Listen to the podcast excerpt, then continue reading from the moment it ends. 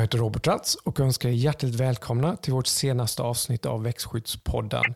Växtskyddspodden är producerad av BSF Agricultural Solutions och berör växtskydd och ämnen runt detta. Eh, idag återgår vi till debatten om framtiden för svenskt jordbruk och vilken roll som kemi har eller borde ha.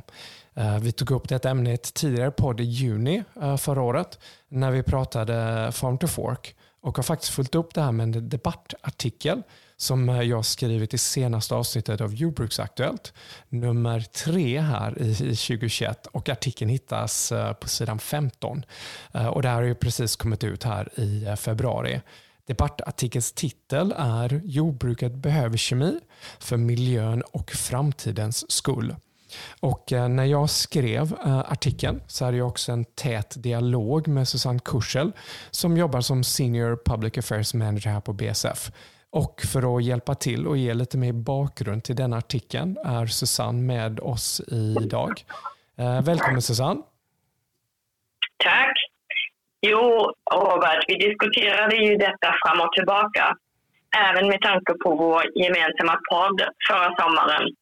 Och ämnet är ju jätteviktigt, för det rör sig om hur vi ska producera vår mat i framtiden. Och när du först nämnde tanken på en artikel så var det ju kontextet med Farm to Fork, alltså den europeiska livsmedelsstrategin som lades fram förra våren. Precis. Precis. Det är ju det vi försökt göra här, är ju att skriva den i det här kontextet. Farm to fork, jord to bord eller ja, en del av EUs gröna giv. Som kommer, det kommer verkligen definiera framtiden för jordbruket, inte bara i Sverige, men också i, i, i Europa. Vi är idag 7,5 miljarder människor på denna jord och kommer 2050 eh, ligga runt 10 miljarder människor. Och vi har ju också ett ett av FNs globala mål är att ingen ska gå hungrig redan eh, 2030. Så, och samtidigt åkerarealen kommer inte öka. Eh, snarare kommer den hållas konstant, vilket då gör att per capita, eh, ifall vi ska producera mer mat, då måste vi ju göra det på samma areal. Så då börjar man ju fundera på ja, men hur får vi då ett hållbart, en hållbar jordbruksproduktion? Eh, och, då, och Det jag då menar är att uh, det är inte hållbart. Då, då, menar jag inte att det inte är hållbart idag. Jag skulle, i alla fall när vi tittar på Sverige, men snarare så tror jag liksom att det finns snarare en, ett, en press eller ett tryck att, att förstärka denna vad ska man säga, insynsvinkel. Mm. Vi pratade ju också om att eh, ekologisk odling lyfts fram som en lösning i Farm to Fork och att det är på framfart och att vissa konsumenter efterfrågar detta. Mm.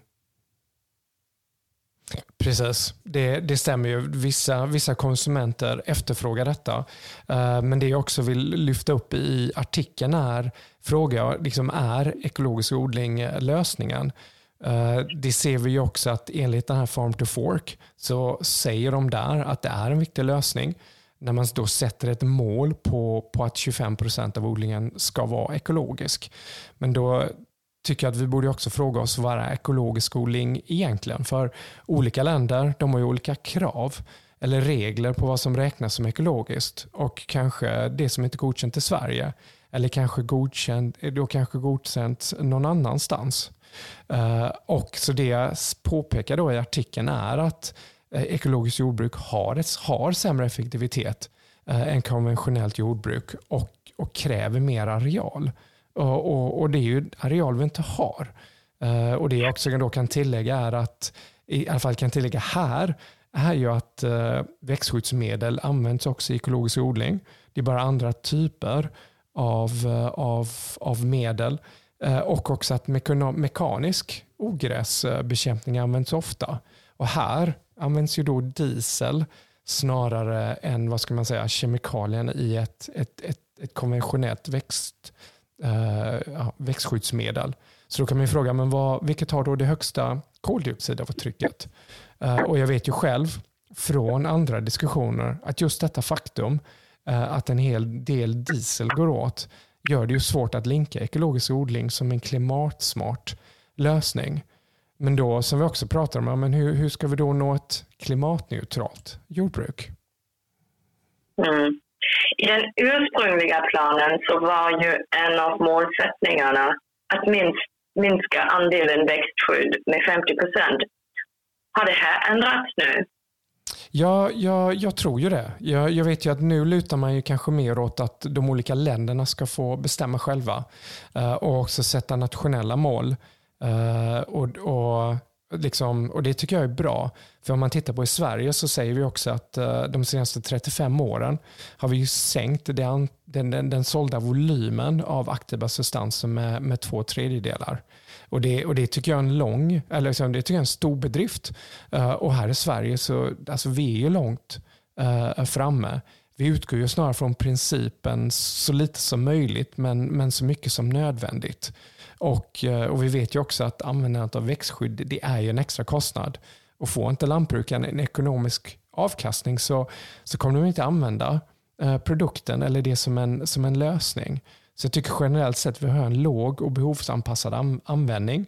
Vi har också många aktörer här på, på marknaden som hjälper med utbildning. Eh, att titta på till exempel IPM, Integrated Pest Management, växtföljdsvariation, olika odlingssystem, sortsval och, och, och, liknande. Så, så, så idag har vi den lägsta andelen eh, växtskydd, i, liksom lägsta andelen användning av växtskydd i, i Europa.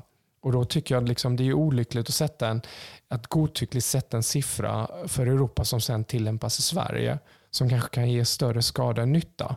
Så, så ifall vi kan själva få bestämma eh, så borde vi redan tillgodoräkna allt positivt som, som redan har gjorts. Mm.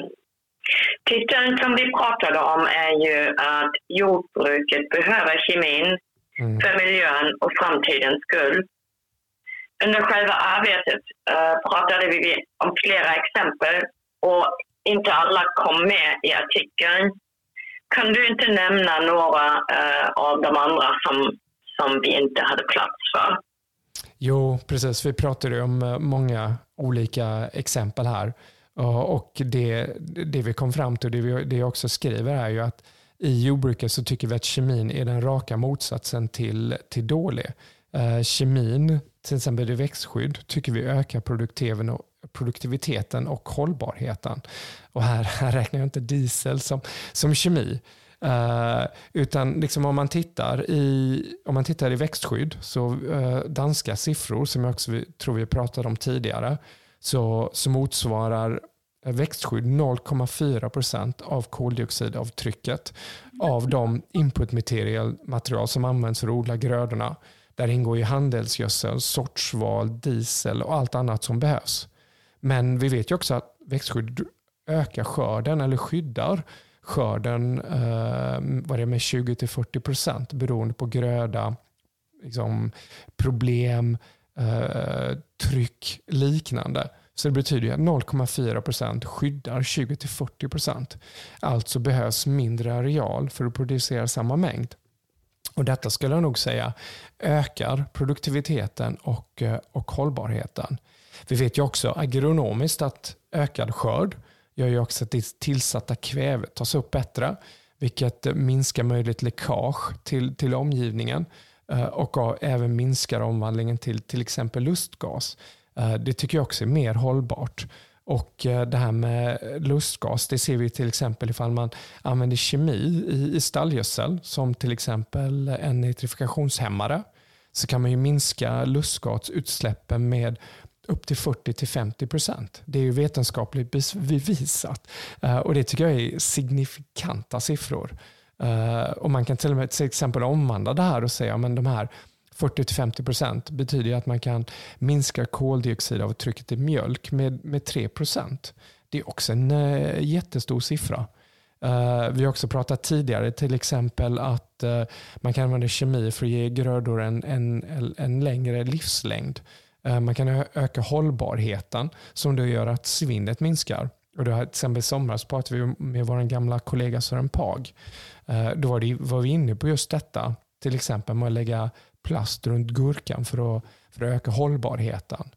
Uh, vi vet ju också, det finns teknologier, kanske inte så utbrett ut, uh, just här i Sverige, Susanne, men om man tittar, det finns nedbrytbar plast som till exempel grönsaksfriodlare kan använda där plasten i slutet av säsongen arbetas in i jorden och bryts ner uh, och återgår till sina vad ska säga, grundbeståndsdelar. Så det är också hållbart, produktivt och sen det traditionella med att kemin i växtskydd hindrar ju skadedjur, ogräs, sjukdomar. Uh, och dessa kommer alltid finnas där och dessa kommer alltid påverka produktiviteten. Så det här är ju några av de mm. exemplen uh, som, mm, som nämndes. Mm. I den svenska livsmedelsstrategin är målet att det svenska jordbruket ska bli mer konkurrenskraftigt, självförsörjande, mer produktivt, medan fossilberoendet ska sjunka, öka hållbarheten och minska den miljömässiga påverkan. Hur ser du att detta passar in?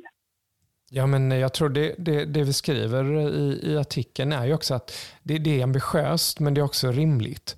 Eh, även i vår, tror vår senaste podd här om baljväxter så kan man kunna säga att till en viss del var vi inne på just eh, detta, detta ämnet. Och, och ska vi i Sverige nå dessa mål så måste våra politiska representanter se över de europeiska målen. Och I artikeln uppmanar jag, eller vi här på BSF, till en, en noggrann konsekvensanalys. Eh, vi menar ju liksom att alla beslut ska tas med hänsyn till aktuell forskning. Jag tror ju på det här med innovationsprincipen Eh, och inte bara eh, försiktighetsprincipen. Och jag tycker det finns ju så många, det finns så mycket spännande på gång med innovation runt sortsmaterial, digitala lösningar, olika tekniska lösningar. Så jag tror vi ska försöka pusha på det här med innovationsprincipen. Mm, jag håller helt med. Det blir spännande att följa debatten. Um, det är ju full sving, um, ehm, både här i Sverige och i Europa. Jo, men precis. Så det här var ju vårt lilla, vad ska man säga, ett inspel i, i den här debatten. Jag håller med, det ska bli spännande att se vad det, vad det går. Men eh, Susanne, jag tror vi, vi, vi har nog lyft det, det mesta här i, eh, i den här debattartikeln. Så jag tänker väl de som också varit med och lyssnat här, eh, ni får gärna eh, liksom, ta en minut. Har ni, har ni tidningen Jordbruksaktuellt så får ni gärna ta en minut tycker jag, och, och läsa artikeln. Och finns det någon feedback så kan ni alltid nå oss på adressen eh, växtskyddspodden eller vaxskyddspodden snablabsf.com. Eh, och det var väl egentligen det vi ville täcka för här idag. Så Susanne, tack ska du ha. Tack själv. Ja, så för att runda av, som vi alltid säger här, så har vi idag kanske indirekt pratat om växtskyddsmedel, men glöm inte att uh, använda växtskyddsmedel med försiktighet. Läs alltid etikett och produktinformation för användning. Observera alla varningsfraser och symboler. BSF är medlem i Svenskt växtskydd. Men eh, ja, tack för att du lyssnat och kanske läst artikeln. Så på återhörande i denna podd. Hej då!